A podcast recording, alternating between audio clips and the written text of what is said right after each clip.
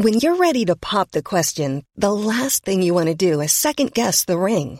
At Bluenile.com, you can design a one of a kind ring with the ease and convenience of shopping online. Choose your diamond and setting. When you find the one, you'll get it delivered right to your door. Go to Bluenile.com and use promo code LISTEN to get $50 off your purchase of $500 or more. That's code LISTEN at Bluenile.com for $50 off your purchase. Bluenile.com code LISTEN. Hey, Dave. Yeah, Randy. Since we founded Bombus, we've always said our socks, underwear, and t shirts are super soft. Any new ideas? Maybe sublimely soft. Or disgustingly cozy? Wait, what? I got it. Bombus. Absurdly comfortable essentials for yourself And for those facing homelessness. because one purchased equals one donated. Wow, did we just write an ad? Yes. Bombas. Big comfort for everyone. Go to bombas.com slash ACAST and use code ACAST for 20% off your first purchase. Hallå! Simon Gärdenfors heter jag och snart börjar min podcast Arkivsamtal. Detta händer snart. Den 25 augusti så kör vi Funny Fuck Up-turnén i Malmö. Jag kör stand-up och även Anton Magnusson och en massa andra svinroliga komiker är med. Och vi kör även i Göteborg den 29 augusti och i Stockholm 6 september. Det är ett otroligt tryck på biljettförsäljningen efter allt som hänt runt oss i sommar. När vi körde på Norra Brunn häromdagen så var det kö runt hela kvarteret.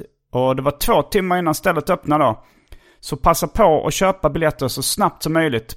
Ni hittar Funny Fuck Up-biljetterna på underproduktion.se och alla mina andra gig finns på gardenfors.blogspot.com. Ni får jättegärna stötta den här podden ekonomiskt på patreon.com. Ni som gör det får tillgång till en massa exklusiva avsnitt. Bara för Patreons. Bland annat det senaste. Där David Liljemark läser högt ur sin anteckningsbok. Och listar olika skivor och serietidningar han köpt som barn i 50 minuter. Det är lika konstigt som det låter. Som min klippare uttryckte det. Bonusdelen. Vilket jävla CP-avsnitt. Nu är det peak Liljemark. Om ni vill höra det så gå in på patreon.com alltså. Och följ mig gärna på Instagram och Twitter också.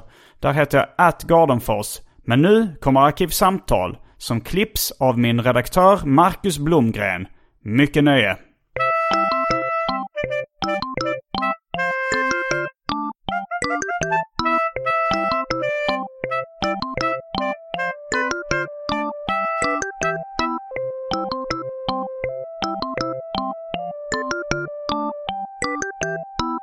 Du kan eh, berätta om vad du åt till frukost idag. Detta med frukosten igen. Ja, men det är ett ljudtest. Äh, alltså, ja, ja. Jag tänkte, eller skulle jag berätta den där grejen med Det är inte till, du har hittills inte gått med på till bords med David Liljemark. till bord? Jag funderar faktiskt på om vi skulle tagit hämtmat från Indien. Sitta här och slafsa live, höra gubbsmask. Vad har hänt med dig? Hej och välkomna till Arkivsamtal. Jag heter Simon Gärdenfors och mitt emot mig sitter David Liljemark. God dag. Serietecknare och i viss mån konceptkonstnär. Allmän lirare var så men vanlig att höra. ja. Men idag så ska vi prata om konceptkonst. Så eh, då tyckte jag att eh, vi ska inte sticka plats. under stol med att eh, du har doppat din fot i även den grytan. Både en och två gånger om du förstår vad jag menar. Grovdoppa, eller hur var det med Allan Edwall? Ja, har han gjort en, skiva som heter Grovdoppad? En låt? Jag för mig det var Kalle som tipsade om det någon gång. Mm. Upp någon länk. Grovdoppa. Kalle Törn då syftar vi på. Jo. Eh, ja, just uh, du, du har kommit in med en banan i en plastpåse. En liten... Var, varför låg bananen i, en liten plastpåse ihopknuten? För att inte kleta ner något annat i min Aha, digra den, var ju, påse. den, var ju, den hade ju skal på sig. Ja, det kan Ja, man inte lita på. Okej. Det kan vara blött jag, och jag kletigt. sa... um, jag tog ut den från rummet där vi nu sitter för att eh, det var citat. Något av det äckligaste jag sett i hela mitt liv. ja, jag, jag har en liten... eh, Det var något med plastpåsar du Ja, stod jag ut med. tycker jag, det är kanske mina drag av OCD som gör att jag tycker det ser så sladdrigt och slafsigt ut Mm. med plastpåsar i synfältet.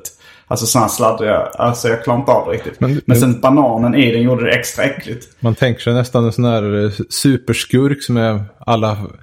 Eh, ja, som består av plastpåsar eller att det är haven som ska hämnas då med allt skräpet som har manifesterats i en skurk som ska eh, hämnas miljöförstöringen. Mm. Vad tror ni om det? Marvel snedstreck DC?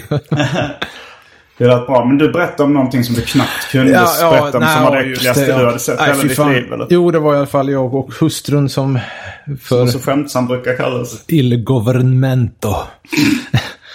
Eh, vi, eh, det var nog jippo vid Stadsmuseet där vid Slussen. och hon hade då med sig en sallad i en plastbytta.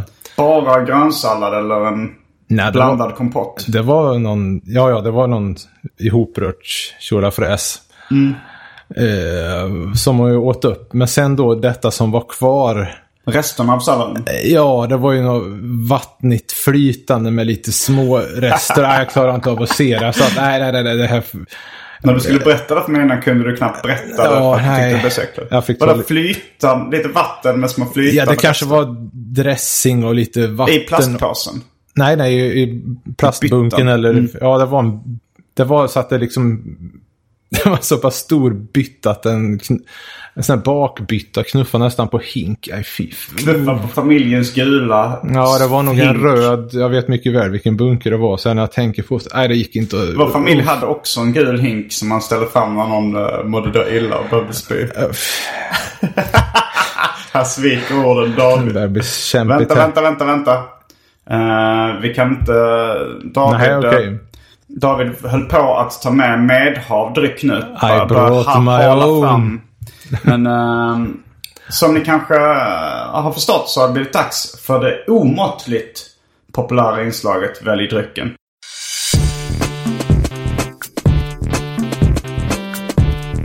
Jag tror vi börjar med det fasta inslaget Välj drycken! Och här kommer alternativen. Det ehm, är ganska många alternativ. Oj. Vitt vin från Jean Bichet.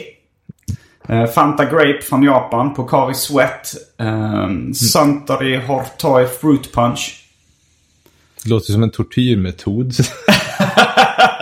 La Barra, eller vad heter de?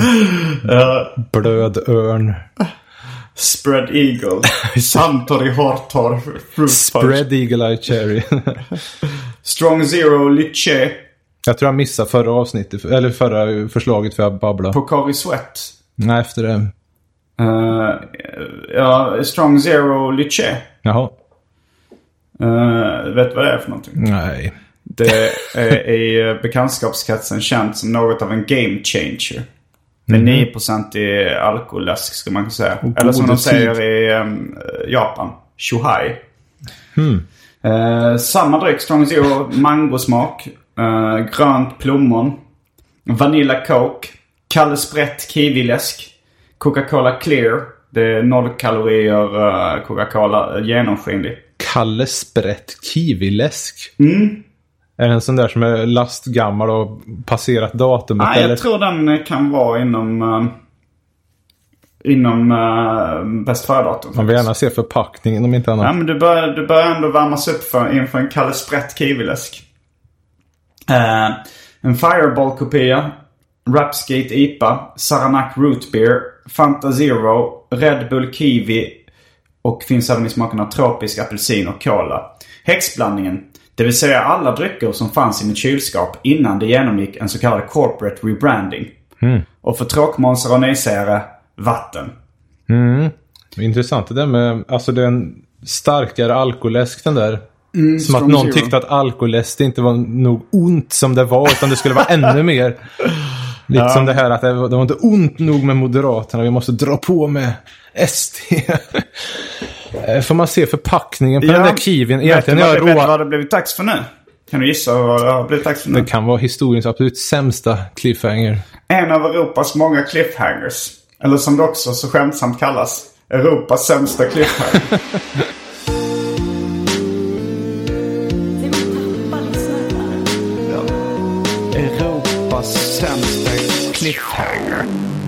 Och ehm, ja, då är cliffhangern att uh, har Kalle Sprätt Kiviläsk gått ut? Vad är bäst före-datumet egentligen? Och framförallt, kommer David Liljemark dricka Kalle Sprätt Kiviläsk? Vi är strax tillbaks med dryckerna kända från det omåttligt populära inslaget Välj drycken. Och vi ska även efter uh, den här lilla pausen rycka av skynket från en av Europas många cliffhangers. Häng med!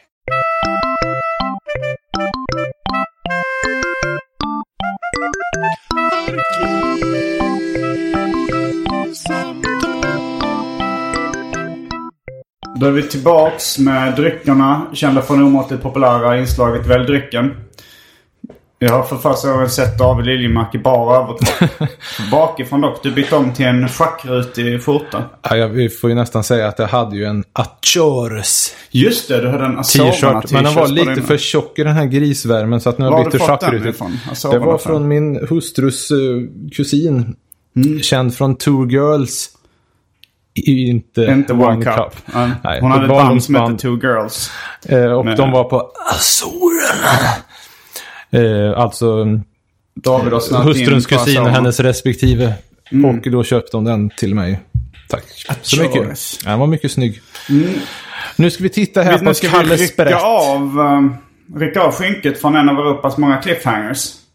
Det är på, botten som det står. Den går ut eh, 20 augusti så den är home safe. Den gör det. Mm. Jo, eh, nu var ju då den andra grejen att eh, jag vill mest se förpackningarna var ganska stygga. Nog hopp. Ja, det är något av en hatgubbe. Det är någon tecknad kanin på den. Ja, den var inte så snygg som jag hade tänkt mig. Sen är ju del två att jag är egentligen råallergisk mot kiwi. Aha. Eh, Varför nu vet jag inte om Varför vill du då ha den? jag tyckte Kalle Sprätt lät så roligt. försöka kyla ner mig med den här burken. Ja, det kan du göra. Du kan använda Ja, men eh, jag, ansikts... jag, jag får ta vatten här på grund av omständigheter. Du hade med dig Aquador. Medhavt vatten. Nej, det här är... Alltså flaskan är, vet jag inte. Men vet du vad dor betyder? Or. O-R. Ehm, Det är guld. På spanska. jag är guld. Så... För att eh, citera Anton. Nej, men jag tänkte på Nej, när att det är något av en gulddusch. Ja, att det ja. va- guldvatten borde då vara urin om, man, om man ska hårdra det. Det ser man. Mm. Still. Smakar därefter. Eh, Ja, den är inte... Alltså det är min så natt och dagflaska det här. Du gör en dubbel Bromander, det vill säga sitter i bara överkropp och dricker piss. Fotnot. Henrik Bromander har recenserat sitt eget urin på matsidan Smak, fanzine.tk. Och eh, han har även tecknat sig själv som serietecknare när han sitter i bara överkropp och svettas. Ja, jag sitter ju inte i bara överkropp. Jag Nej. sitter dock i knäbyxor som... ehm, Short som det också kallas. Ja, det kanske man säger. Det är min mor som sydde någon gång på... på eh, ja, jag gick väl fortfarande på gymnasiet, men de stod sig. Man får liksom... Mm, de är hemmasydda. Jo då, Inga fick många fina köpebyxor. plagg av mor. Den där Droopy-tröjan när jag fyllde 13. är väl- Droopy. Mm, jag var väldigt nöjd med. Uh, tyckte, Droopy var ju inte så jätterolig som tecknad filmfigur. Ursäkta? Tyckte Va? du Droopy var rolig? Ja, men han var ju... Okej, det är nu när jag... Det ingick ju hela det. Tex Avery-grejen. Liksom. Jo, men han var alltså... Vad, vad tyckte... Exakt! Förklara för mig exakt vad som är så roligt med Droopy. Hmm. Nu ska jag öppna min Coca-Cola Clear. Genomskinlig Coca-Cola som då... Tan tanken är väl att det ska smaka som Coca-Cola, men... Jag har hört eh, Jens Rosengren som jag fick den av har gjort ett blindtest. Han sa att han smakade skillnad. Hmm.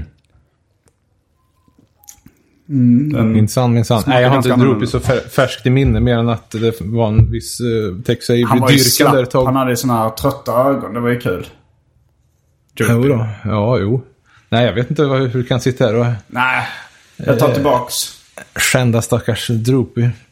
Ja, men, men lite långtråkig måste jag ändå säga att filmen ofta var. Han stod vid någon... Jag kommer ihåg en, en Droopy-tecknad serie jag läste där han... Eh, där hans husse då, eller matte, fasar iväg honom från tvn. Eh, han får inte kolla på tv. Och. Det här var- låter ju väldigt tråkigt onekligen. Var en serie detta? Ja, det var en tecknad serie. Och då Mm. gick han med och kollade på uh, torktumlaren tror jag det var.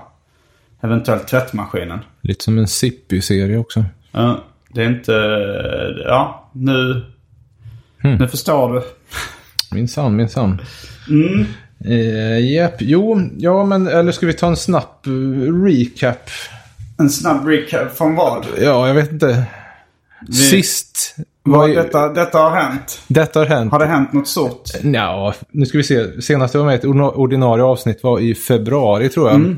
Sen dess har vi gjort en extra sod om David Liljemarks underbara värld. En fet Ja. bok som alla bör skaffa sig. Ja, som också behandlar lite ämnet som vi pratar om idag, konceptkonst. Du, är, du har ju gjort vissa sådana verk. Just. Och sen hade vi en live session på Larrys som finns i en bootleg-filmad version. Som man Ja, kan fråga efter i eftersnackgruppen. Ja, det, det avsnittet, jag tryckte inte tillräckligt hårt på inspelningsknappen på min Zoom-mick. Man har ju hört talas om twee och lo-fi, men det där var ju löjligt. Man var liksom för mesig för att trycka på record. Var så kobent. Nej, men i alla fall. Eh, så ja, sen dess, så, jag har varit på Kreta en vecka. Jag tänkte jag skulle vara färdig med värmen efter det, men eh, Ja, du har ägnat dig åt njutning. Eh, luftkonditioneringen där var ju en njutning, men sen har det varit värre. Jag såg Gene Simmons och Night Flight Orchestra, det var, och så hem till Karlstad. Träffa morfar och bror. Det var väl det en liten slöpad reunion, apropå... Spelar ni med ditt gamla... Nej, vi spelade inte. Vi bara... Vi träffade gamla Ryktner band kom över på fika. Vi hade jävligt trevligt. med humor, om man skulle beskriva. Martin Fredrikssons klassiker. Nej, men konceptkonst var det ju. Ja, Eh. ska vi börja med lite favoriter eller ska vi börja med vad vi själva har gjort inom genren? Jag kan göra en snabb, eh, en snabb introduktion till eh, kanske...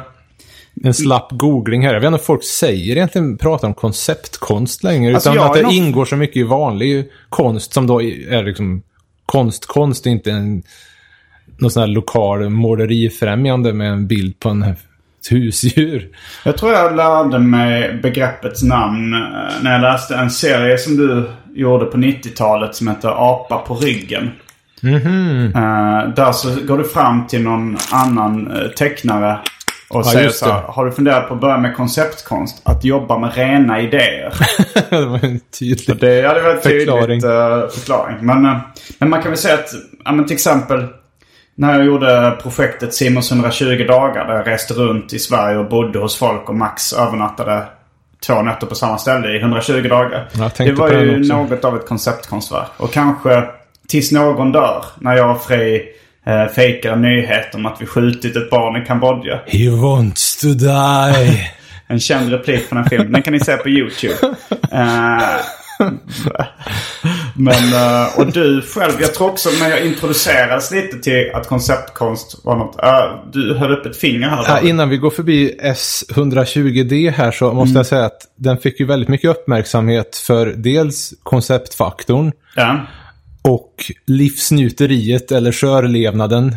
Ja, Knulla på dagis, det skulle han alltid gilla, Jonathan Alvén. Ja, det Om man hade läst den rutan. eh, gör det. Ops. det är kanske inte riktigt som ni tror. säger alla. Det här. Nej, men sen, jag tycker jag fick, författaren Simon G tycker jag fick väldigt lite cred för Mm. den. För jag tyckte den var väldigt välkomponerad och liksom styra upp allt det där till en berättelse. Ja, jag tyckte det var lite skändad över alltihop. Alla var bara sura över att du var ute och söp och pinugade och hade dig. Ja, men den blir ändå uppmärksammad. Det, det, på något Den sätt så... blev bra. Den blev bara... Eh, på ett sätt så känns det som att man, om man blandar in konceptkonst i, i andra verk så blir det ju ofta... Det, är större chans att det blir viralt så att säga. Alltså hela den här En samhällsljudgrejen. lättfattig idé. Ja, Lite som den där Super Size med att han ska ta fasta på något. Jag har inte sett filmen ens, den lät för äcklig. Liksom att han ska äta det där tills han storknar. Jo, alltså det finns ju, när jag tänkte på samhällsljud som kanske är mer såhär dolda kameran-pranks och sånt där. Men det sk- Mm. skulle ju också kunna jämföras med konceptkonst. Alltså hela det här, äh, åka till Ryssland och bygga en bögklubb. Eller till ryska statens det kan ju faktiskt vara- På, på Ja, det kan ju vara bland det chefigaste på Ja. meritlistan. Men det finns ju också en... ehm, någon slags... eh, ja, det, det är ju inte... Finns det ett rättsfall inblandat så då hö- höjs ju liksom konstfaktorn genast oerhört. Ja. Det är som när, vad var det, Dan Wolger skulle auktionera ut, eller nej han gick och sålde någon jävla bänka på Liljevalchs va? Ja. Och Per Törn blev så upprörd någon gång på fyllan att Per Törn är också en, eh, en författare och konceptförfattare Han är konceptkonstnär gör också. musik. Bra karl. I alla fall han tyckte det var så tryggt alltihop. Ah, fan, han borde ha sålt skiten på plattan! Ja, det var, det var, Han har gjort inbrott på Ja, sidan. just det. Gjort inbrott på Siva och sålt skiten på plattan, inte en jävla Liljevalchsbänk. så, att, så att när Fabian Bengtsson hette han, va, blev kidnappad tänkte jag, är det Per Törn som har gjort det här? Jag tycker Per Törn har gjort eh, roliga konceptkonstverk. Jag tror du, jag såg ett foto du var med där han rekonstruerade Jan O. Karlssons Ja, kräftskiva. Det var då Fredrik var med också. Fredrik Jonsson som Lystringmannen och som också varit gäst i eh, Arkivsamtal. Han, eh, ni, ja, ni var besökare men det var då eh, politikern Jan O. Karlsson som haft en kräftskiva. Som då blev eh, ett rättsfall eftersom det, var inte, det visade sig inte vara avdragsgillt, eller hur var det? Ja, nå- något sånt där. Eh, och sen så gjorde han Per Törn då en, eftersom det var ett rättsfall så var alla kvittorna och sånt där offentliga från den offentliga utredningen. eh, och då så rekonstruerade han kräftskivan och köpte in samma ingredienser och bjöd allmänheten på den här kräftskivan. Bilden var ju DN, kommer jag på. Mm. Var, men hur- var det mycket folk där? Minns knappt ett skit, ärligt talat. Inte ett skit över punkt. Nej, det var men inte... Det var inte jättemånga. Men det var ju respektabelt. Det gick att genomföra det Ja. hela. Men när jag kom in i serievärlden på slutet av 90-talet. När jag då tecknade fanzine och sånt där. Då kände jag att eh, det var... Ja, då kände inte jag till så mycket om konceptkonst.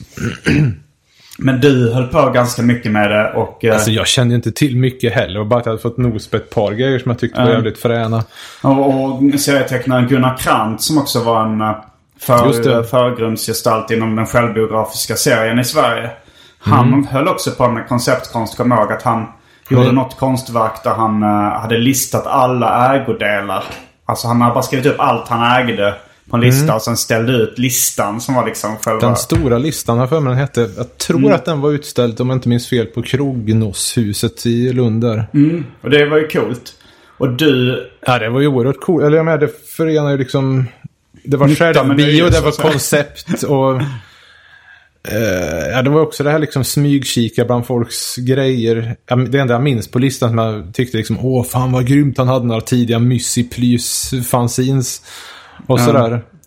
Eh, Och sen det såg ju ballt ut också, formen kom ju automatiskt. Jag tror det faktiskt började, om jag minns rätt här, med att han såg sådana listor på universitetet och tyckte liksom rent formmässigt att det såg coolt ut. Har de listor på universitetet över eh, saker som finns? Nej, nej men det hängde väl scheman liksom. Du vet sån här som klamrar i en vanlig perm fast den sitter på väggen. Och så dinglar det någonting. Vad, vad som listar de för testiklar. grejer? Schema över liksom, lektioner och sånt där? Ja, ja, det var helt ovidkommande bara att man såg att det hängde sådana. Och sen var det ju det där också att om man inte ens pallar skriva upp en grej på listan kunde han lika gärna slänga den. Så det var ju ett fiffigt sätt att Ja, smart. rensa ur. Ja, men han, han gjorde ju... Jag, jag kan ju inte säga att jag blev berörd på samma sätt som att läsa 1981 eller Superangst. Som är men hans det var ändå eh, jävligt grymt. självbiografiska seriealbum. Eh, Som ja. är väldigt bra. Jo. Eh, det, det är väl kruxet med sådana där grejer är väl att få det att liksom ladda som ett mervärde. Annars märker jag att sånt som jag själv har gillat det, är, det ligger ju väldigt nära att det är fyndigt och vitsigt. Men eh, man behöver inte sätta det tvunget i motsats till, men för mig är det inte riktigt lika mycket värt som eh, att bli berörd av någonting. Om man tänker, av- Ja, det är ungefär som skillnaden mellan att lyssna på eh, Sparks och vissa Beach Boys-låtar som är mer emo. Så här. Och du, du gillar då Beach Boys bättre som är mer emo? Ja, fast det är liksom synd att... Alltså man ska ju inte heller... Alltså, Man ska ha allt. Man ska inte förringa bara rent trams heller. Det kan ju Nej, vara nej. kul också. Givetvis Men, eh, arbetar vi professionellt. men, men, ja, men det, jag vet inte om vi ska liksom försöka oss på att definiera vad som är konceptkonst. Nej, nu eftersom- drar vi bara några favoriter och... Ja, jag bara ville, ville bara säga att det finns ju, alltså ibland kan ju en, ett dolda kameran-inslag i tv vara ganska nära ett konceptkonstverk till exempel. Eller, Det är ofta det här nästan autistiska läsningar av saker. Ungefär som den här hamburgergrejen. ja, du Nej, menar- att han liksom Ja, tycker att att Super det står någonstans Me- att det här ska vara bra.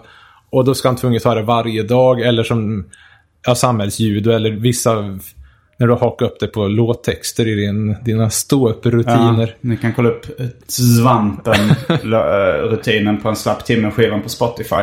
Men jag menar om jag såg en, en dokumentär på tv om en kille som... Eh, eh, han satt på, med sina kompisar och sa man borde, eh, borde sälja allting jag har. Alla mina ägodelar.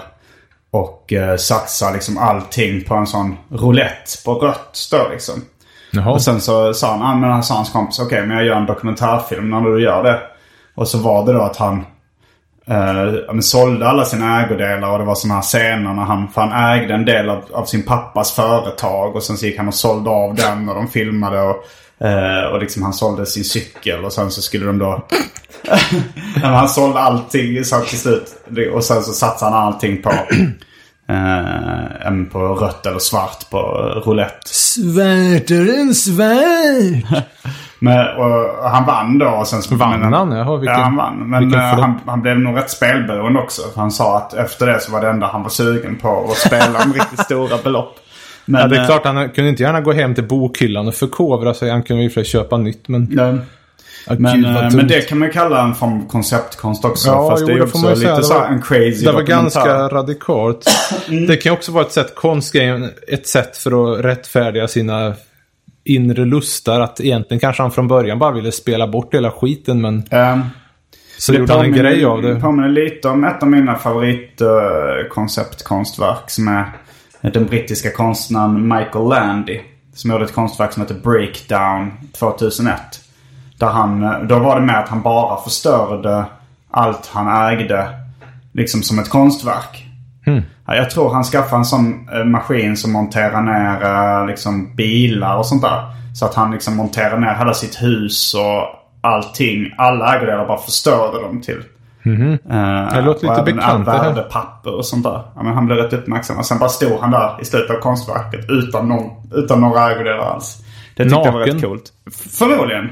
Tarmsköld. Jag har inte sett det här. Det är ju det, som är konceptkonst. Att liksom, eftersom det handlar om rena idéer så kan man ju Mm. ofta bara prata om dem och få ut lika mycket av konstverket Jo, som om man skulle uppleva det. Man slapp åka till någon jävla dokumenta i Kassel och allt vad det heter. Är det en, Det var nog kanske länge sedan det var aktuellt. vad är det för någonting? Nej, det var någon gammal mässa. Jag just såg ju nyss den här Josef Böjs dokumentären på tv. Ja, Böjs var, var han en, skulle man säga att han är en förgrundsgestalt inom konceptkonst? Ja, inom all möjlig konst. Alltså, det är svårt att få grepp på den här karln. Jag, jag läste hyfsat mycket då för länge sedan. Och, men kontentan var ju att han såg så jävla cool ut på de där fotona från auktionerna som han gjorde. Och eh, Du har ju läst konstvetenskap också. ja, det var ju bara en slapp termin. Ja, men har du koll på liksom när konceptkonsten rent historiskt började dyka upp? För att få igång någon sorts minne så gjorde jag en nätsökning. De, jag tror de räknade från mitten eller senare hälften av 60-talet. Men då att det finns de Aha. här uppenbara föregångarna från Mm.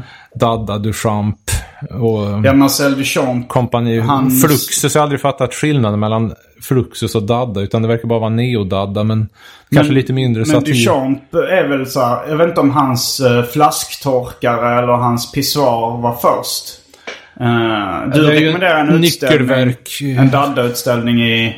I Umeå, ja, just det. på. Där pratar man om, jag tror att... eh, ja men eh, kanske att pissoaren var först, eller flasktorkaren. Men det var att han stä- han signerade liksom ett färdigt objekt som en så kallad ready-made. Ja, just det. Och ställde ut. Och det ligger ju... Ready-made säger också någon form av konceptkonst skulle man säga. Men Jo, så, så det var inte tidigare, eller, eller liksom det var då det slog igenom på 60-talet. Liksom. Eller, Ja, det var nog just begreppet konceptkonst. När var det pissoar, Duchamps pissoar dök upp? Oj då, när var det? Ungefär. Vad är med ett år? 1917 kanske? Okej, det var så tidigt. Men Som de, ryktas förresten var gjort av en kvinna. Vad hette hon egentligen? Men att, ja, det är en annan historia. att han snodde idén eller? Ehm, ja, det var någonting med det där. Vad hette hon? Jag får... Ja, jag skyller på värmen. Alltså, det, jag, jag står inte ut med här hettan. Jag tänkte att om det var en person, man skulle vilja tränga upp honom mot väggen och hugga i halsen upprepade gånger. Och hämta en sån här gruvhacka som dvärgarna i Snövit har. Bara gå loss på kadavret. Så tänker jag att ja, jag är lite äckelmagad så man spyr säkert av att se allt det här. Men det vore fan värt det för att få döda denna värmebölja. Ah. Um, jag tänker Men också i alla bara, fall- ja, alltså innan, um, ja men min ingång till konceptkonst var ju också när jag då, jag var ett fan av dina serier. Och sen så märkte jag väl kanske då, det var du som introducerade mig för Gunnar Krantz och, och ja men det mesta som var bra. Joe Matt och så vidare. Men eh, som då kanske inte är en konceptkonstnär i ordets rätta bemärkelse. Även om hans liksom, liv blev ganska mycket eh, ett konstverk. Men, men, Ja, det, här, det, men det första jag såg som du gjorde som var så här, rakt av konceptuellt. Det var kanske när du, såld, du brände upp dina seriefanzin och sålde askan i kuvert. Som- Jag kan ju förklara lite bakgrunden till de här Ja. sakerna.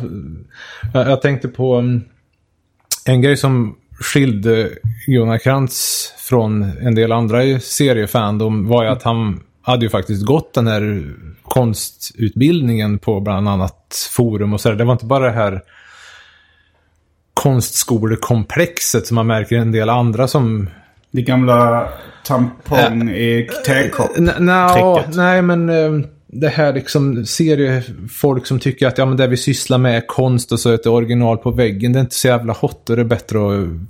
Det, det måste vara något mer tycker jag.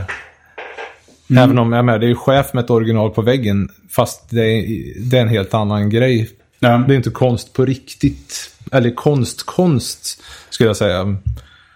Eh, utan han gjorde ju riktig konst och han gjorde serier. Så Och kanske ibland lite i kombination. Ja, ibland så var det ju det här Nollad var ju ett konceptverk. Han valde ut en vecka och som han dokumenterade och sen högg han ner det till... Eh, han själv tyckte det fanns något flyt i.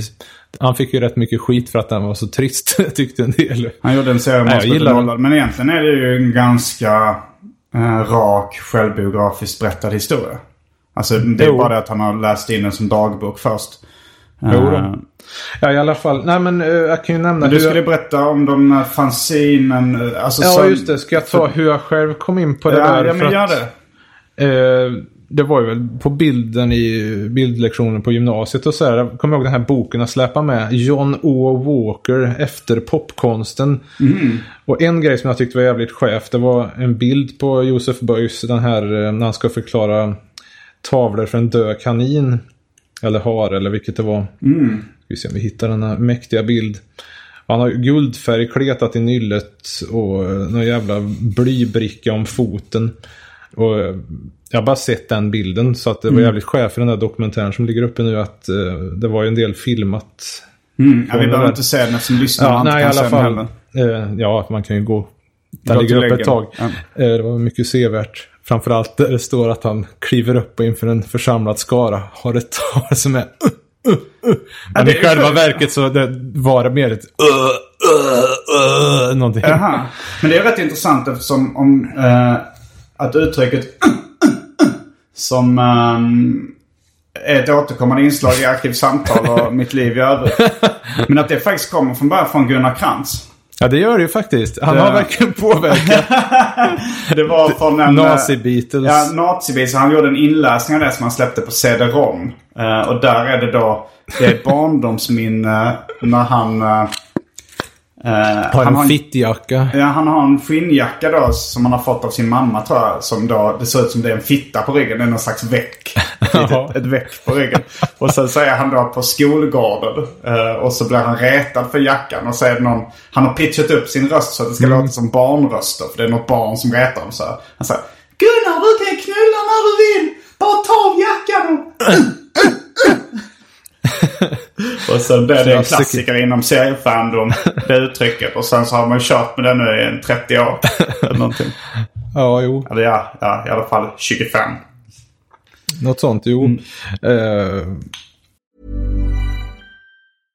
Hey, I'm Ryan Reynolds. At Mint Mobile, we like to do the opposite of what Big Wireless does. They charge you a lot, we charge you a little. So naturally, when they announced they'd be raising their prices due to inflation, we decided to deflate our prices due to not hating you.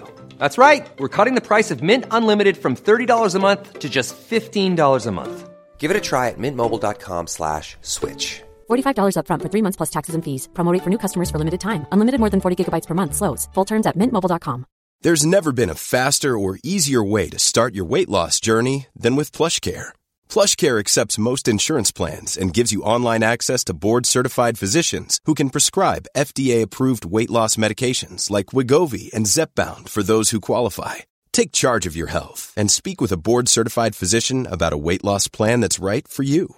Get started today at plushcare.com slash weight loss. That's plushcare.com slash weight loss. plushcare.com slash weight loss. Planning for your next trip? Elevate your travel style with Quince. Quince has all the jet-setting essentials you'll want for your next getaway, like European linen, premium luggage options, buttery soft Italian leather bags, and so much more. And is all priced at 50 to 80% less than similar brands. Plus, Quince only works with factories that use safe and ethical manufacturing practices. Pack your bags with high-quality essentials you'll be wearing for vacations to come with Quince. Go to quince.com slash pack for free shipping and 365-day returns. Men i alla fall, jo förresten, omslagsbilden på um, David Liljemarks underbara värld är ju ett foto från 91 där väl. Det har tidningspapper i nyllet. Det slog mig först nu efter att ha sett programmet att det var nog eh, Alltså det är ju jätte-epa påverkan men det var ju på grund av det här med guldfärgen i nyllet liksom. Ja, men jag tänkte på det när du berättade nu. Eh, Men, eh, Men till eh, vi- det var så vidare. du kom in på konceptkonst eller? Jag gillar den här boken och liksom lite allt möjligt. Sen en, en annan stor grej det var ju C.F. Reuterswärd. Just det, du har pratat mycket Nobel C.F. väldigt mycket. Den här boken som då är som... Han som en vanlig bok, bara att orden är borta. Så att det som är kvar är skiljetecken, komma och punkt. eh, vilket jag tyckte bara var ashäftigt. Och grundtexten var... När är den skriven? Ja, du... Reuterswärd? För han är en tror- Mm. svensk eh, konceptkonstnär. Kanske mest... Boken kom 66. Han kanske gjorde någon konstversion för det stod copyright 1960 i den här. Så att, eh, Han ska ju inte blandas ihop med Reuterswärd som gjorde... Oscar med omöjliga figurer. Nej, Ja. Eh, det stämmer. Ja, men det här är ju konkret poesi eller vad man ska säga. Observera att den är signerat. 96. Var det då... Med eh, vänstern. Ja, han var, var han förlamad i halva han fick en kroppen? stroke. eh, Ja, just det. Så han, han blev vänsterhänt då? Eller han Ja, kunde bara... han fortsatte sin karriär med teckna med vänstern. Men i alla fall, han- eh, det, basen till det här är tydligen eh, Hemingways Nobeltal. Eller i någon av versionerna i alla fall. Aha. Sen läste jag ny, hyfsat nyligen eh, i en Jonas Ellerström-bok att Hemingway i sin ungdom hade tydligen, som någon, i någon spexig studenttidning, gjort någon dikt eller motsvarande som bara var skiljetecken. Och grejen var att det här var ju bara för maxat så jag ja, mejlledes försökte eh, ja, vidarebefordra det här till hans eh, hustru då, men vid det här laget så Vems hustru? Eh, CFs. Du försökte vidarebefordra att Hemingway Ja, hade det, var, gjort det var liksom bara så häftigt. Men eh, om man kände till det. Mm. Men vid det här laget så svarade de sen att ja, nej, han var liksom för långt gånger i sin Mm. Och han död, sjukdom. och, ja, just det. Så att han var, han var ingen pigg på att prata om sina gamla verk eller sådär. Utan han var väl rätt dement helt enkelt. Och jag tror inspirerad av uh, Prix Nobel, den här boken, så gjorde du boken om kuk. Alltså, ja, den gills ju knappt. Det var ju bara en... Kalle fick den va? Ja, Kalle var fick bara den någon lös bok med anteckningar som jag skrev kuk på varje sida. Det är inget som jag har med på min egentliga verklista. Men det är fint att Kalle har tror, den. det, tog, det var en bok som hette Boken om ingenting. Jaha, Eh, ja. Som var bara tomma sidor. Och så tippexade du för ordet ingenting och skrev kuk. Och sen skrev, så det hette Boken om kuk. Och sen skrev du kuk på varje sida i boken. Jag tyckte det var ett bra konceptkonst. Det var rätt slappt i alla fall. men, eh, men du, Nej men det, det är ju samma det här liksom anti-inställning och sånt där och jag tyckte det var fräsigt. Men till det här med askan och uppeldade fanzines och sådär. Ja. Eh, det var en grej som jag hade på min lista av favoriter här. Du kommer ihåg våren 94 i Lund på Anders Thornbergs galleri så hade den här Barton Lidicé Benners, jag vet inte riktigt hur man uttalar hans namn, utställning med sitt hiv-smittade blod.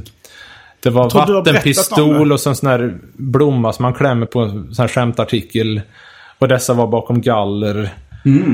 Det var viktigt. Och han eh, var där. Och vernissagekortet var jävligt coolt också. Det var en plasthandske så var det tryckt där. Och Fick den signerat.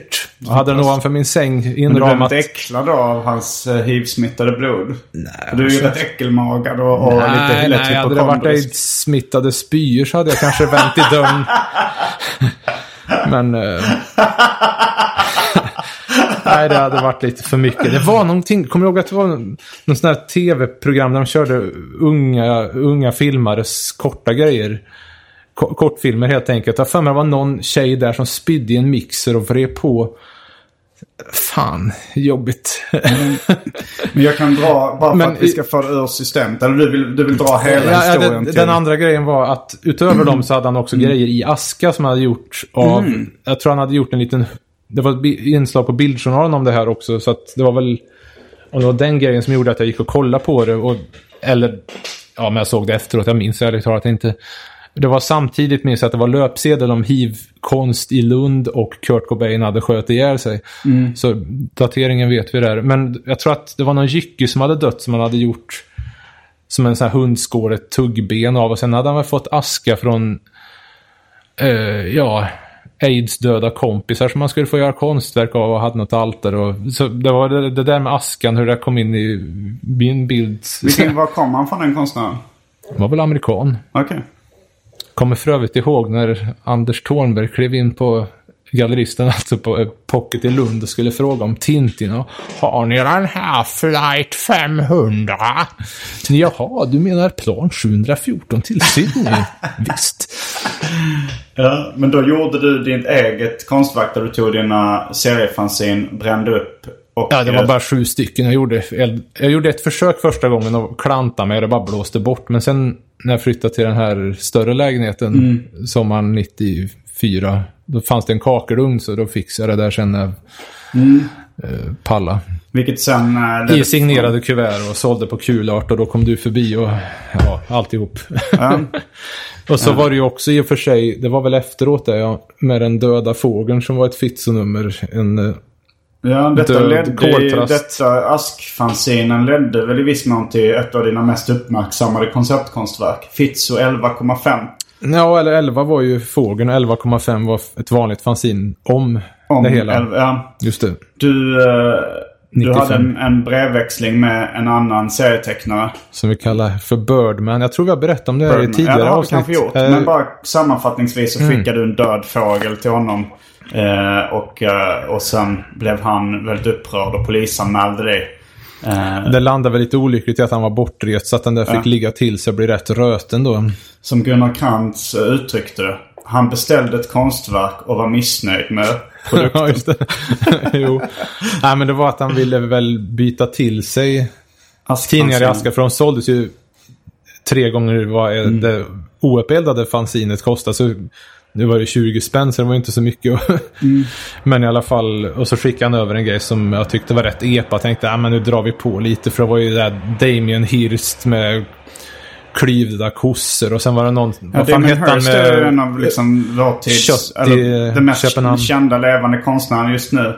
Förutom, jag tvekar att säga det, Banksy kanske är en av de mer kända nu levande konstnärerna. Yoko Ono är väl känd. Yoko Ono måste väl ändå vara känd? Jo, men hon kanske är mer känd för andra saker än som konst. Alltså musik och så. Hon är känd. Nja, hon är nog mer känd som kändis och Beatles. Jo, eh, egentligen, men jag menar, hon är ju chef. Ja, du är ett stort fan av Yoko Ono. Ja, Jag- jo, det måste ju... Kan läsa upp en kort... Men eh, vi ska bara knyta Ja. ihop säcken. Eh, du blev poli- polisanmäld och sen så gjorde du uh, ett seriefans, eller inte fanzine, ett Textfanzine. textfanzin. Om liksom själva händelsen med den här döda fågeln och, och polisanmälan. Och det är också liksom en aspekt av konceptkonst att dokumentationen. Jo, Liksom det att man texten om det är ju liksom... Ja, det, det är ju mer... Det är folk tar del av det. Det var väldigt få som tog del av själva konstverket som var den döda fågeln. Det där med dokumentation, väl framförallt detta med Velvet Underground som har understrukit det. För att det finns så, i och med att de hängde där på Warhols eh, Factory så finns ju massvis med råcoola foton. Ja, just som det. man kan sitta och digga i Warhol efterhand. gjorde han mycket konceptkonst.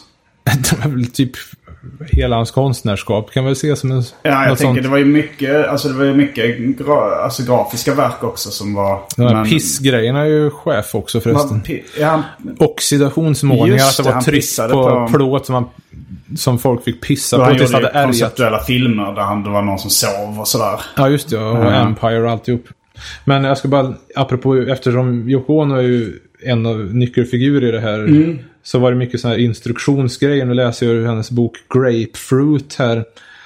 Eh, från våren 1960 det här. Blodverk. Använd ditt blod för att måla. Måla tills du svimmar inom parentes A. Måla tills du dör inom parentes B. Bra grejer. Och det är bara alltså rena idén då. Att det här är någonting man ska göra. Eh, ja, det finns... Mm. Ja, det är mycket behändigt sätt och det blir inte lika råddigt. En person som uh, återkommer när vi pratar om favoritkonceptkonstnärer. det är ju till exempel, eller två namn skulle jag säga. John Duncan och Bjarne Melgar. du skrattar bara du hör namn. John Duncan, ja just Det det. är lite, båda är väl uh, JVVF-konceptkonstnärer ska man säga. Jag vill vara farlig. Eh, John Duncan, känd för att ha knullat ett mexikanskt lik. Han skulle väl först ha... det, det ska väl finnas en ljuddokumentation av det här. Och det är väl egentligen inte helt klarlagt om han gjorde detta, eller hur är det? All together now. I'm sure he raped. Eh, nej men att han först skulle ha, det var något sätt för att liksom straffa ut sig själv på något vis. Det är ju mycket det här också med så här självskadekonst och sånt. Vadå straffa ut sig själv och Nej, konstnären? nej, nej, nej då. Utan han skulle väl först... Nej.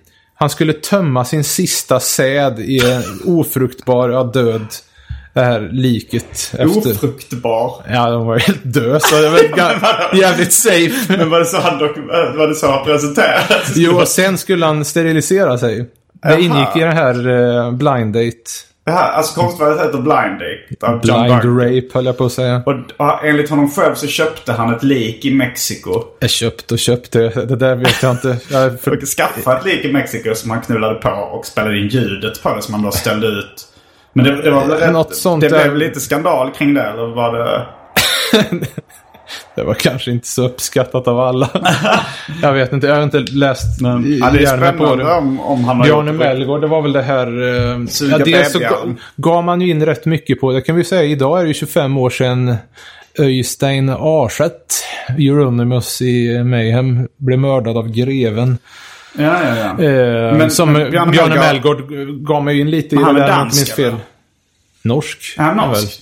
Ja, Okej. Eller? Jag jag är rätt säker på att han är norsk. Aha, men det eh, sen var det ju det där All Gym Queens Deserve to Die. Där var det skandal, skandalinslaget var att det var någon som långsamt och allvarligt sög av ett litet spädbarns arm. Mm, det var en videodokumentation. Har Och det, det är väl framförallt det här att blanda in folk som... Alltså ungen vet ju ingenting om det. Det är ju att dra in minderåriga. Så. Eh, men det ställdes ut. Uh, jo, det blev en del rabalder.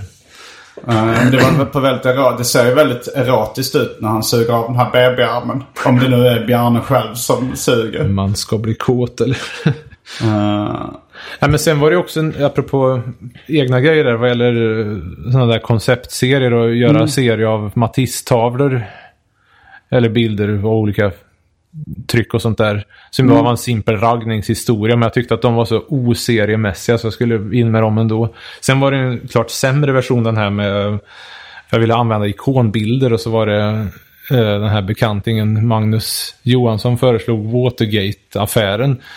Detta Men- men, men jag jag tycker- måste jag lite förklara för lyssnarna. Det här är alltså tecknade serier som David har gjort. Ja, där det. du har tagit kända konstverk. Eh, till exempel från Matisse. Och varje ruta då är illustrationen till din Ja, historia det. är då ett känt konstverk som du reproducerat eller tecknat av kan man väl säga.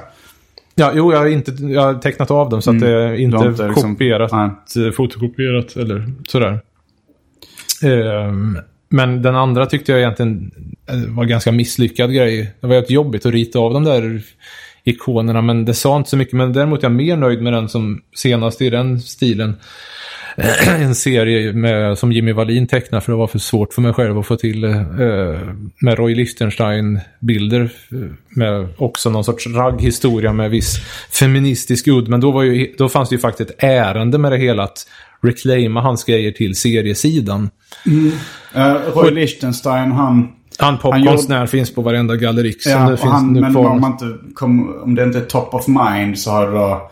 Han förstorar upp serierutor med så här grovt raster och, Mm. och, och ja, kända. Men då var ditt ärende att ta tillbaks. Han tog konsten från serievärlden och gjorde det i konstvärlden. Och då var ditt ärende att ta det tillbaks till serievärlden. Ja, just det. Rita av hans och lyfta tillbaka så här. Egentligen, det är ju inte att jag stör mig. Jag Nej. gillar ju Roy Lichtenstein. Han har gjort speciellt de grejerna jag- som inte är människor. Jag kan tycka att vissa sådana är svinsnygga när han bara har ett rum liksom som han har tecknat i den här Och väldigt lite- sparsamt färglagt. Något Ja. litet hörn Vett hot. att hålla det enkelt.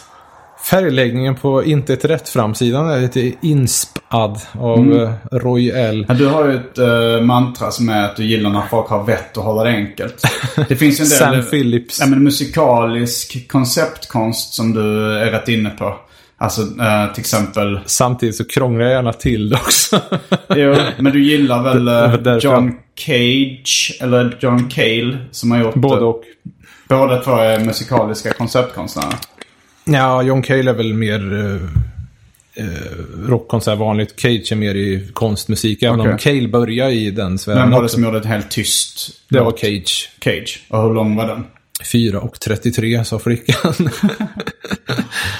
Eh, Men vart var jag här? Um, bredem. Du var mitt uppe i Liechtenstein. Jo, just det ja. Eh, nej, för det, jag frågade den här Robert Sikoriak som var känd för att göra serieparodier i Raw, tidningen, avantgarde-serietidningen, om han kände till om någon hade gjort det där redan och göra serie av Liechtenstein. Och, nej, det visste han inte mer än någon Brad 61 fanns det någon bok som jag tänkte jag får beställa och kolla. Han tyckte jag skulle göra min ändå då. Men den sög alltså, för det var ju bara som en konstbok med Liechtenstein och sitter text bredvid som skulle få ihop någon historia. Jag tyckte den, Det var inte alls, man ville ju ha in seriesidegrejen med flera rutor så att den där fick underkänt. Behöver inte beställas. Minns inte vad han hette ens. Jag tänkte på uh, Paul Hollander. Även känd som Robinson-Paul. Han har ju gjort några... eh, han var ju konstnär redan innan han var med i Robinson. Då gjorde han ett, ett, ett verk som heter Pelle Polis. Där Mm. han då hade blivit sexuellt utnyttjad av en polis när han var barn. Och sen så gjorde han ett verk då där han Konfrontera honom. Eller Ja, vad och gjorde han? knulla Knull- på honom också väl. Alltså knulla med honom. Jag tror de har sex i det här konstverket. Jag har inte sett Att han har någon det. slags plastdräkt på sig. Det är något... Jag har inte heller sett det, jag har bara hört talas om det. Och eh, hette filmen Goodbye Beauty. Där eh, det här... Där, Bye Bye Beauty. Bye Bye Beauty. Med lite olika stavning på buy och buy som i köpa. Mhm, ja, ja. Som handlar då om att köpa sex i Baltikum. Mm, just det. Eh, och som jag fan vi har pratat om att det kommer alltid som en nyhet för dig att han fejkade att han hade sex med de prostituerade. Att det var egentligen att han hade sex med sin fru. Och sen eh, när han... Var det så förklarat? Jag för mig det var Ja, en men- sån där punkt dock-boken jag mig Ja. du hänvisat till. Jo, just det. Men och, och varje gång jag berättade så har du glömt att, att det var så han förklarade. Var det så? Jaha. Det var alltså Hur Jessica många Jed- gånger ska jag behöva... Ja, jag vet. Du tror du inte på det eller är det att du glömmer det varje gång? Jag tror att varje gång vi har pratat om det här så säger du så här, ah, men det är Nej, men lite jag kommer ihåg, jag kommer ihåg moraliskt." fejket. Jag kommer just inte ihåg att han då skulle ha, Att det var frun som hade ställt upp, så att säga. Nej, men- men det- Var det Jessica Gedin då, eller var det senare? Eh, Som gjorde vad? Ställde upp Jaha, för nej det konsten. vet jag inte. eh, vem han var gift Känd från med. då. Barber. Men, men han, jag visste inte att de hade varit gifta ens. Eh, Eller Gift och Gift, de är väl ihop? Ja, det kanske de var. Men jag vet inte vem det var som var... men, men, det, men var det där ifrån... men han sa ju då att det viktiga var debatten. Så han erkände ju inte att det var fake förrän liksom drevet var över så att säga. Att han satt ju i Den kilen ska in där. Ja, det är ett citat som kommer därifrån. Men det, var det då att han fick frågan, var du tvungen att ha sex med dem på riktigt? Och då svarade han, den, Den kilen ska in. där. Ja, jo, det var något sånt. Men Kulturhuset. kom du ihåg nu när jag det att, att det var fake? Eller hade Jo, du det kommer jag det? ihåg. Det har Ja. faktiskt nötts in. Men eh, vem, 30 vem det var som hade fått uh, uh, Får ställa upp. vresa for market demands, eller på att säga. Nej, men som hade pinugat. Det, Mm. Har du några andra favoriter inom um, konceptkonst som vi inte har uh, tagit upp? Jag tänkte ta upp en extremt pinsam grej när jag liksom började få nys liksom få upp ögonen för sådana här grejer och bli lite mer arty. Det fanns Ja. ett visst motstånd i seriefandom. Jag vet inte om vi ska nämna namn, men tyckte att man hade blivit ett citat ett konstskolebög. Att folk Och- tycker det blir för pretentiöst eller? Ja. Ja, just det. Nej, nej, det skulle ju vara det här slafskulturen och det skulle ju, jag gillar ju blanda in ett tag där kubistiska inslag. Det var väl egentligen Ja, mest hösten 93. Ja, det märks. Ja men du gjorde rätt det. mycket sådana här grejer. Du kanske klippte av ditt eget hår och la in Ja, i Jo, nej. kopieringsmaskinen som liksom en detalj i serierutan. Brorsans jeans på Icas kopiator. Ja men det, det gillar man ju. Det var ju flippigt. Ja, men det här jag hittade, det här är alltså en mapp som är råmaterial till orkestern som då en experimentell roman från 97. Som kom ut lite försenat, men i alla fall finns. Här är, jag tänker inte läsa upp hela för att det är så fruktansvärt Det är pinsamt. idéer du själv haft till konstverk. Ja, ja, nej, det var när jag gick på Kyrkerud här så kunde man söka det var en något, konstskola i eh, Värmland då. i Årjäng där. Eh, jag tror det var något Milko eller motsvarande, något stipendium man kunde söka. Och, och så ska jag skriva då om att eh, jag skulle vilja göra en utställning då i ja, gamla posthuset i Karlstad för att jag hade sett någon rätt fräsig utställning där. Och så är det en lista på idéer och det är så jävla dåligt alltså. Så fruktansvärt Blev man ju uselt. sugen på... Men det var en grej som jag tyckte var alltså, så dålig så att den blir bra här. En installation. En stubbe med vit plastfärg hälld över så att det rinner. Det finns liksom ingenting bakom det här. Det är bara, va? Men jag tänk, det här var liksom det enda som jag tänkte. Det var ändå rätt skevt jämfört med... Det låter så lite som... jävla dåligt Alltså alltså. det här uh, tampong i tekopp-tricket. Det är från serien Art School Confidential. som vi ska nämna av Daniel Klaus. Det finns en, en film som Klass. inte är så lyckad. Men han som gjort fy fan. Ghost World bland annat. Eh, men där, där går han på konstskola. Ja, jag tror det är med i Ghost World också. Att det är någon som gör ett, ett eh, konstverk som är då en tampong i en tekopp. Det är gamla tampong i tekopp-tricket. Ja, det liksom som är det kallas i serien. Ja, men det är väl så en parodi då på slapp konceptkonst. Eh, men det här att man häller vit färg över en stubbe. Kan du inte bjuda på någon annan? Någon dem som är jag mest ska se om det smärtsamma? finns några mer här. Ta den som gör mest ont. Som du tycker är så, så usel. Det blir ju roligt. För att en del är ju mer som någon sorts dåliga satirbildsförsök. Alltså. Men någonting som du verkligen så här, känner en fruktansvärd skam över. När du läser. Kan du inte bjuda på en sån? Ja, okej. Allt för konsten, men det här Ja. är... Jag har inte sett fram emot något Nej, det, det är så så fruktansvärt mycket. dåligt. Ja, men alltså. det här låter underbart. Ett litet akvarium fyllt med vatten. På bottnen ligger dockan Ken med en sten bunden om sig och eventuellt munkavle. Barbie tittar på uppifrån med ett grymt påmålat hånleende. Citat. Kvinnor frigör eder.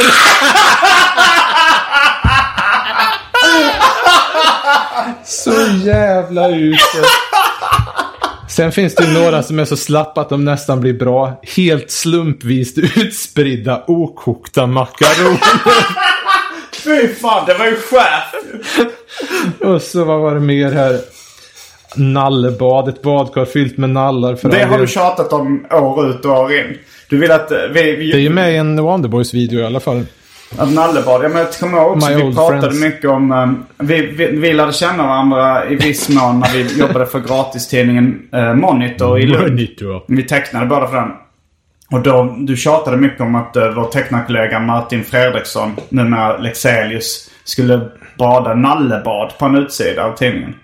Gjorde jag det? Ja, det kommer. Framförallt kommer jag ihåg att jag tjatade om att eh, Martin Sunnerdal och Helena Olsson skulle göra en parafras på Mastermind-omslaget. Mm.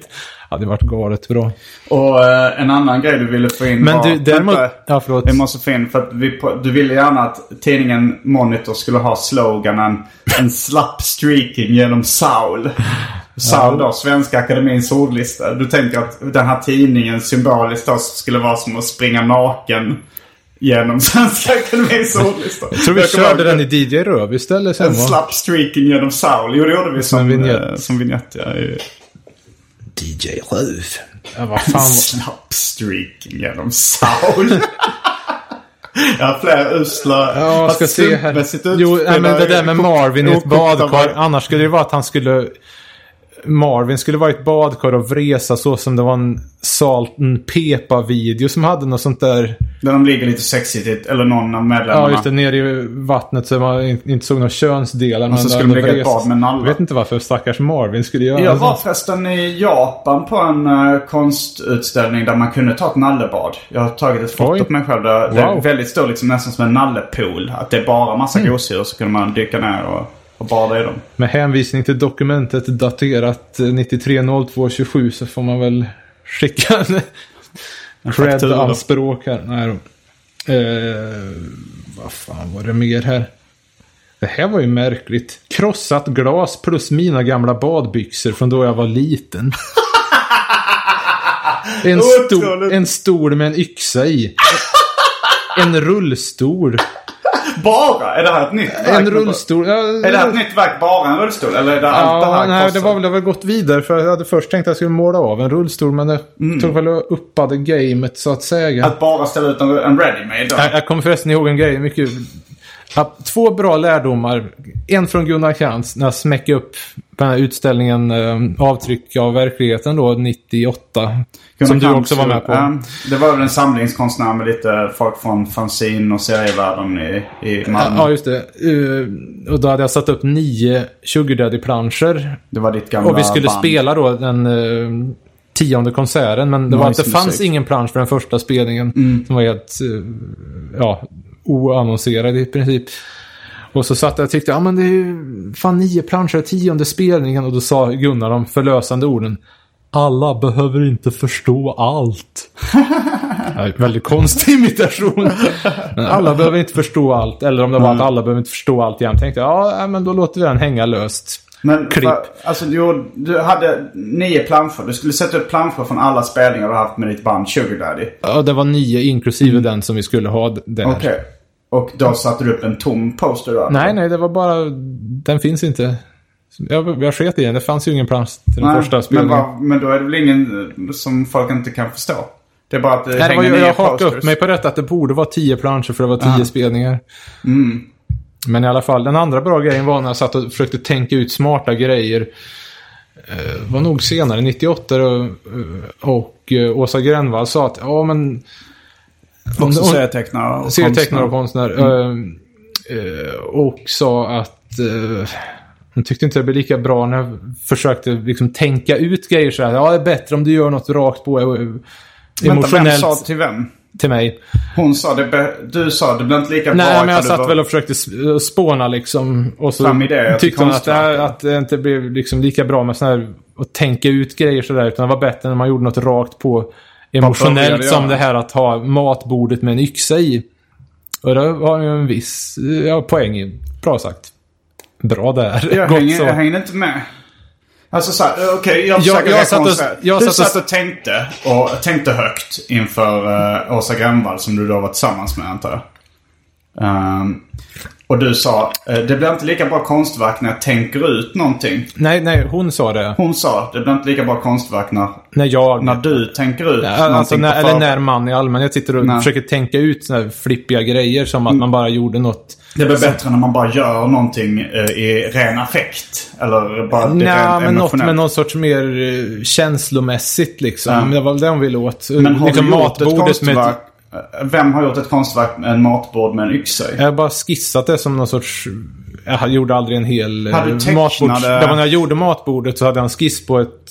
Det, eh, matbordet med en yxa i. Från en annan Okej. vinkel än vad det är i serierna. Så att, ja. Men just det här att... eh, Ja, det var en teckning du hade gjort. Och nu, syftet, nu tänkte du att alla känner ju till att du gjort en teckning av ett matbord med en En, yxa en i. serie om en... Nej, nej, men i alla fall. Eh, poängen i det hela var Ja. att, att det blir bättre om det finns någon känslomässig bas i det hela än att man ska sitta och vara klyftig. Vilket vi Mm, okej. nämnde innan här. Cred till Goten. Goten är då Asa Grönvall. Ditt smeknamn på henne. Nu ska vi se. Har en viss gotisk klädstil, eller hade. Ja, sen tror jag inte det var något som var riktigt lika... Vad fan är det här då? En stor skottkärra med en liten skottkärra i. Det är lite... Ett litet, det är ett litet där... Det är så slappa konceptkonster. eh, ja, det är verkligen Minns du, epa. minns om du hade någon sån här symbolisk tanke? Just bakom? den kan jag se så här i efterhand att när jag hade utställningen Ett litet barn så var en grej som jag själv tyckte var riktigt eh, schysst var några långärmade vuxna t-shirts och så hade jag sytt fast små barnkläder som applikation fram och bak. Mm. På, ja. Det var egentligen min mor som gjorde grovarbetet där. Mm. Som textilfröken. Så jag vet inte, det påminner väl lite om det, men ja, det är ju verkligen... Och sen, jo, det här är ju i och för sig att jag kommer in på att jag ville få med Sven R. Häggs plånbok. Som jag vet inte hur länge jag försökt få in och till sist då gjorde en novell om. Du hittade en plånbok en gång. Som Ja. var Sven R. Häggs plånbok. Stämmer. Och, Det var eh, foton och det var lite allt möjligt spännande i Och du det. ville göra en utställning där du bara ställde ut sakerna som fanns i Sven R. Häggs plånbok. Ja, det skulle vara med. Och det var ju med sen när jag gjorde en utställning om det har satt sig på huvudboken. Mm, Du gjorde en bok där du bara listade allt som fanns med i den eller? Eller det var en story Ja, det, ja, jag skrev lite om den och Mm. avslutade med att om någon släkting ville ha tillbaka den så skulle de få det och det fick de sen också. Jag var mycket Mm. nöjd över detta. Ah, så, så den har kommit åter? Sven R. Häggs plånbok? Jo. Hur hittade de den? Det var den gamla ditköparen Lotta Jansson som jobbar på... Det var någon av hennes kollegor som var en av häggarna, om det var son eller sonson. Var hittade du Så då Sven R. ti- Häggs plånbok? I en container i Råtorp.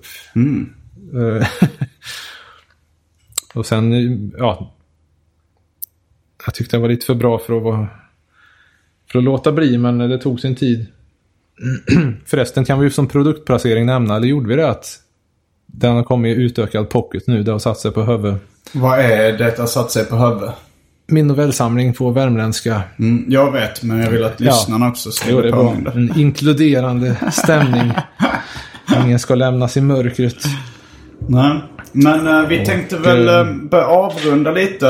Eh, Har vi diskuterat P.O. Enquists nacke? Att den alltid är så välfriserad?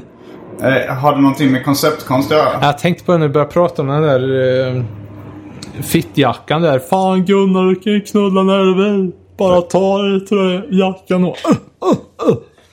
Då tänkte du på. Enquists Ja, för han har ju inte vad som Johannes Nilsson, eller kanske allmänt känt kallar för fittnacke. Utan han har alltid, så fort han är med i tv, otroligt välsnaggad nacke. Mm. Antingen har han en hustru som håller efter det här, eller så går han verkligen till frisören.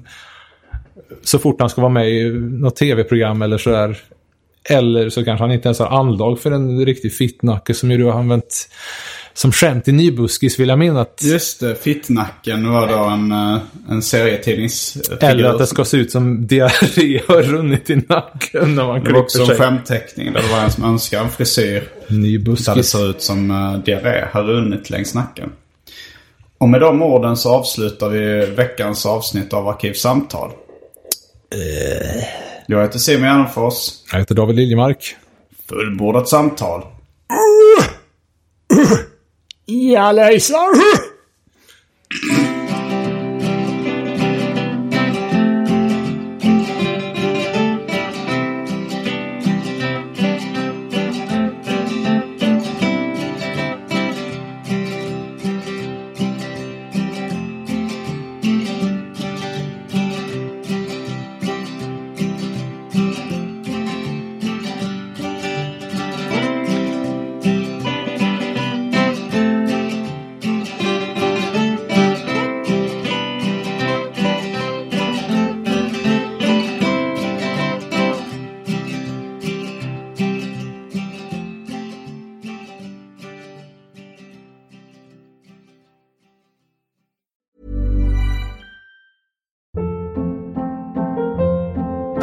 Hold up. What was that? Boring. No flavor. That was as bad as those leftovers you ate all week. Kiki Palmer here, and it's time to say hello to something fresh and guilt-free. Hello Fresh. Jazz up dinner with pecan-crusted chicken or garlic butter shrimp scampi. Now that's music to my mouth. Hello Fresh. Let's get this dinner party started. Discover all the delicious possibilities at hellofresh.com.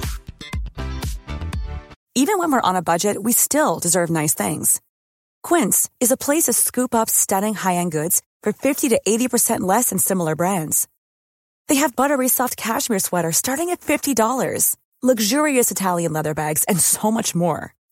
Plus, Quince only works with factories that use safe, ethical, and responsible manufacturing. Get the high-end goods you'll love without the high price tag with Quince. Go to quince.com/style for free shipping and 365-day returns.